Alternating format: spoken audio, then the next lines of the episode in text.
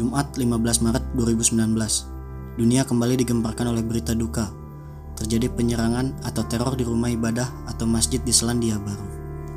Dari berita yang gue baca, kurang lebih 40 orang tewas dan juga 20 orang luka-luka. Semoga saja tidak bertambah. Dan yang lebih sedihnya adalah dua warga Indonesia menjadi korban, yaitu Bapak Zulfirmansyah dan juga anaknya. Dan dari kabar yang gue baca juga, Bapak Zulfirmansyah akan melakukan operasi untuk yang kedua kalinya. Dan alhamdulillahnya kondisi anaknya sudah semakin membaik.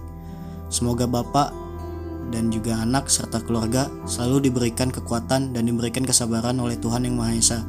Dan tentunya doa kami bersama kalian dan juga para korban lainnya. Amin.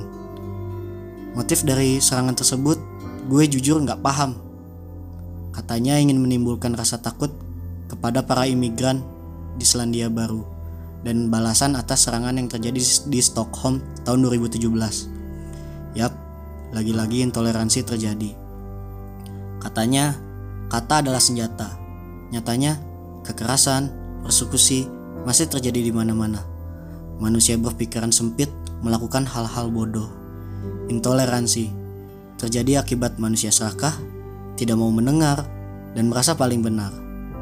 Padahal, mulut diciptakan satu dan telinga diciptakan dua, agar kita bisa lebih saling mendengar dan memahami yang lain, bukan? Mengapa kita tidak bisa menghargai atas apa yang dipercaya orang lain? Mengapa terkadang manusia selalu bertindak egois, memaksakan kehendaknya kepada yang lain, tanpa mau mendengarkan kehendak yang lainnya juga?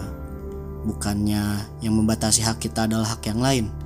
Kenapa kita tidak bisa berbagi atas apa yang kita miliki, Bukannya kita ini makhluk yang sosial yang bisa berbagi. Bukannya berbagi itu indah. Mengapa kita tidak pernah belajar dari kesalahan? People are sick.